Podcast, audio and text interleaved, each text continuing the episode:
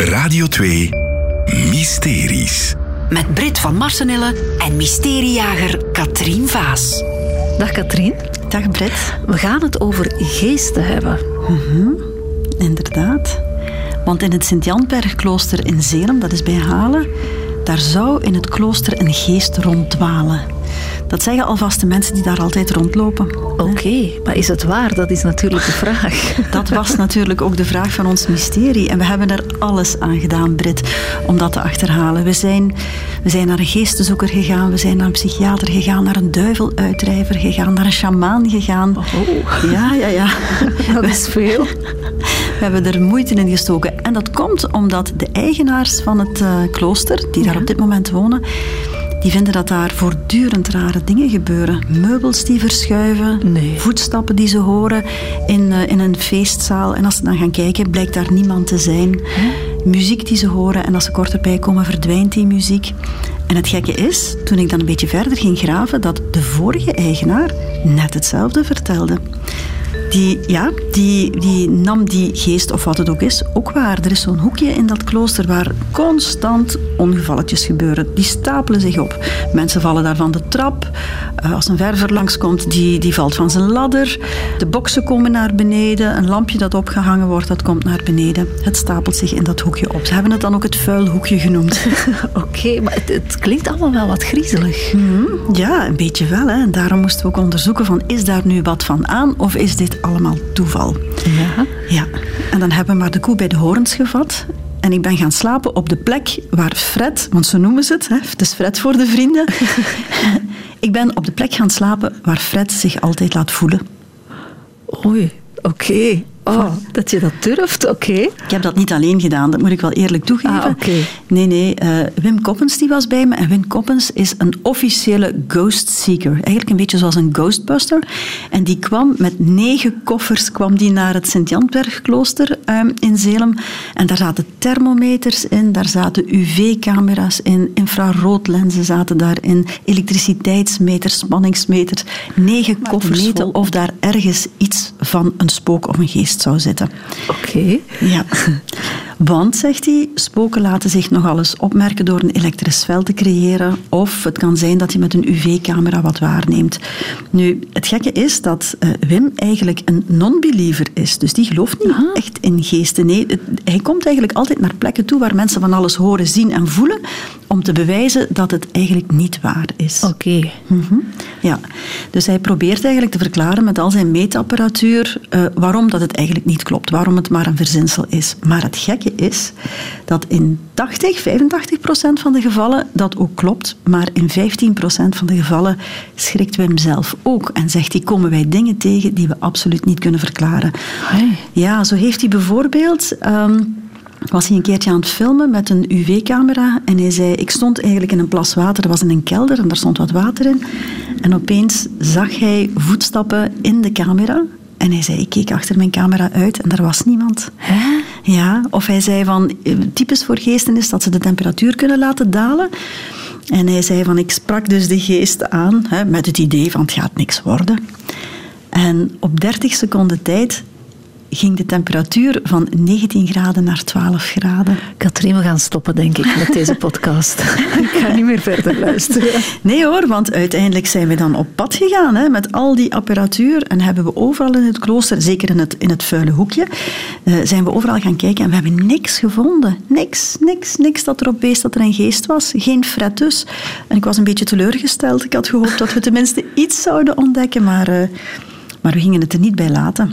Oké, maar hoe kan dat dan dat er toch dingen worden waargenomen, zoals geluiden en dingen stuk gaan daar? Tja, kan dat toeval zijn? Of hebben we niet goed gekeken? Hè? Zijn, de, zijn er metingen gebeurd, maar zijn de metingen op een foute plek gebeurd? Of zijn ze op het foute moment gebeurd? Of laat een geest zich zo, niet zomaar commanderen? Kan ook, hè? Ja. Dus we zijn verder gaan zoeken. En dan eh, ben ik naar een psychiater geweest en ik ben eens eigenlijk gaan vragen waarom zien wij spoken en geesten? En die had daar eigenlijk wel een verklaring voor. Eh, die zei eigenlijk creëren wij dat zelf in ons brein. En we doen dat voor, voor een paar redenen. We doen dat omdat het eigenlijk een, hele, een heel fijn gevoel geeft. Dat maakt endorfines los in je hoofd. En eh, dat is eigenlijk ook een stofje dat geproduceerd wordt als je een hele harde lachbui hebt. En ze zei van eigenlijk geeft ons dat alles bij elkaar toch een heel fijn gevoel. En dat zorgt voor verbondenheid. Want zei ze, hè, beeld je maar eens in, je gaat op nachtspel met, uh, met de Giro of met de Scouts. Je kent die spanning wel. Dat is een beetje eng, maar tegelijkertijd zo mega leuk. Ja. Ja, voilà. En ze zei, dat is eigenlijk iets wat we opzoeken. En ook, ze zegt, een lichaam kan voor een tijdje hypersensitief worden. Dus dat je eigenlijk al je zintuigen helemaal op scherp zet.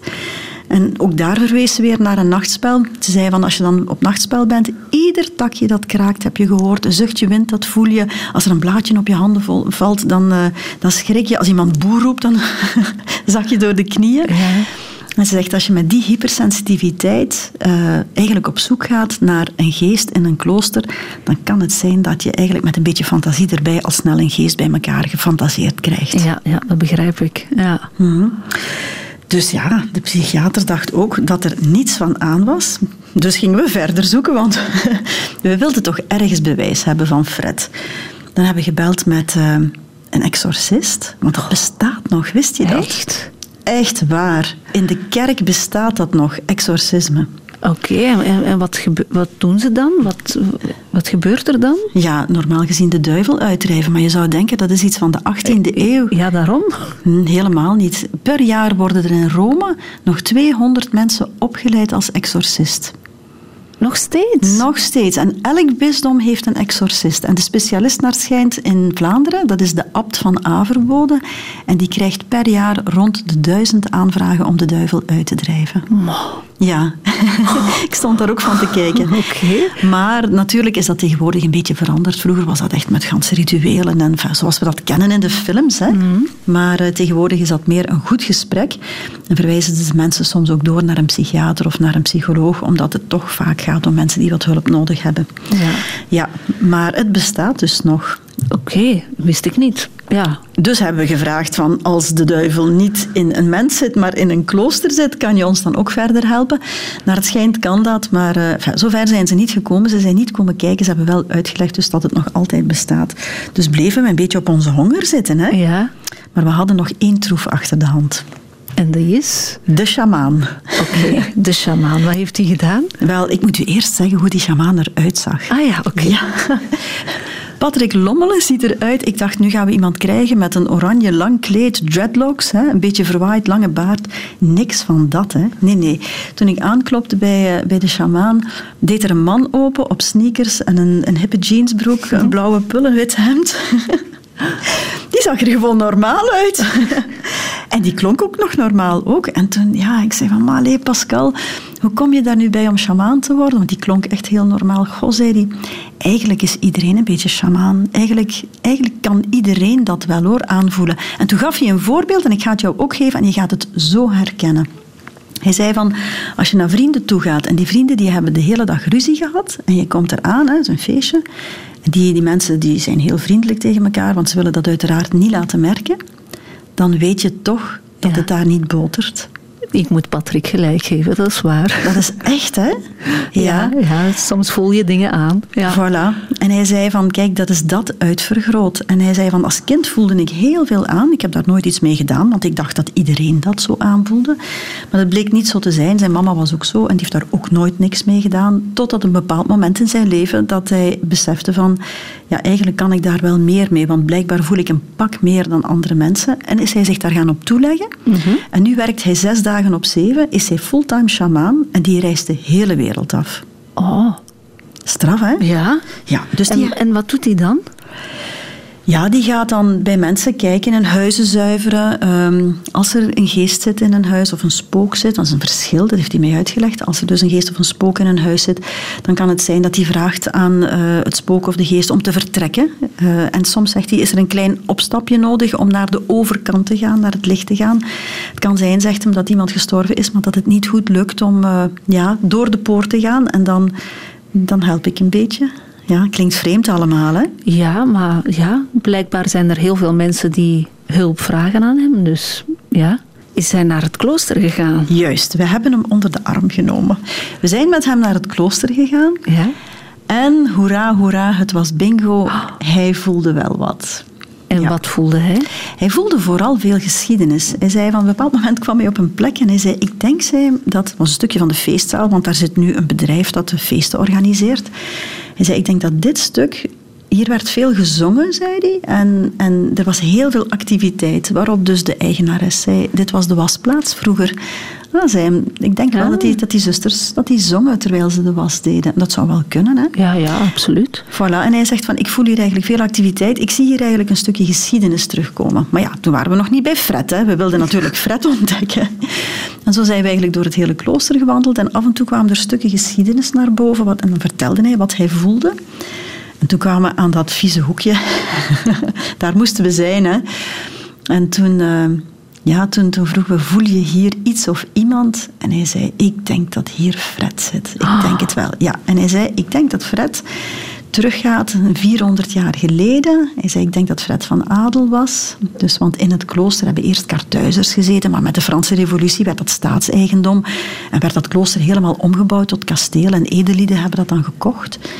Ehm, en hij zegt, ik denk dat het teruggaat naar die tijd. En hij zegt, Fred is eigenlijk helemaal zo geen slechte geest. Het is een geest die het klooster wil beschermen. Alleen, hier in dit hoekje, dat is zijn plekje. En als mensen daar gewoon ongemoeid naartoe komen of daarin binnendringen, ja, dan vindt hij dat redelijk ongemanierd. Maar je zal merken, zei hem, als je gewoon even vraagt of je erbij mag komen in het hoekje, dan zal er niks gebeuren. Dus heb ik dat maar gedaan. Hè? Ja. Je zegt, ja, Fred, hallo. Ja, en zijn we in dat hoekje gaan staan. En toen gebeurde er eventjes iets raar. Ik veronderstel dat het toch wel autosuggestie was, want ik ben een beetje een non-believer. Ja. Ik ging in dat hoekje staan en ik kreeg zo hoofdpijn. En ik durfde het niet zeggen. En? Patrick, de sjamaan, die zei... Ik denk, zei hem, dat Fred epilepsie had, want ik voel dat ik zo hoofdpijn kreeg. Hoe raar is dit? Ja, en ik voelde, en ik was maar op mijn ogen aan het drukken. En ik dacht, oh, ik heb zoveel druk op mijn ogen. Ja. En toen keek hij naar mij en toen zei jij voelt het ook, hè? En toen zijn we een stapje achteruit gedaan en het was weg. Dit is raar. Ja, het kan natuurlijk toeval zijn. Alles kan toeval zijn. Hè? Maar eh, ja, goed. Het is ook wel een beetje spannend, zoals de psychiater zei, om er ook een beetje in te geloven. Want dat hebben we zo graag, hè? Ja. En, en hoe is het daar nu in het klooster en in het vuile hoekje van Fred? Wel, eigenlijk heel fijn, want de eigenaar die zegt, ik wil helemaal niet dat Fred weggaat. Maar- Nee, Fred hoort bij het klooster. En dat beaamde die sjamaan ook. Fred beschermt het klooster en die hoort er gewoon bij. En Fred wegjagen zou gewoon zonde zijn. Ja. Voilà, dus eh, het is rond, de cirkel is rond, Fred is er en die mag zijn plekje daar opeisen. En als vreemdelingen in het vuile hoekje willen gaan zitten, ja, dan moeten ze gewoon even toestemming vragen en dan komt het wel in orde. De voeten vegen en in het vuile hoekje gaan zitten. Helemaal. Lang leven Fred. Dank je wel om dit mysterie op te lossen, Katrien. Graag gedaan. Meer mysteries? Volg alles in de Radio 2-app.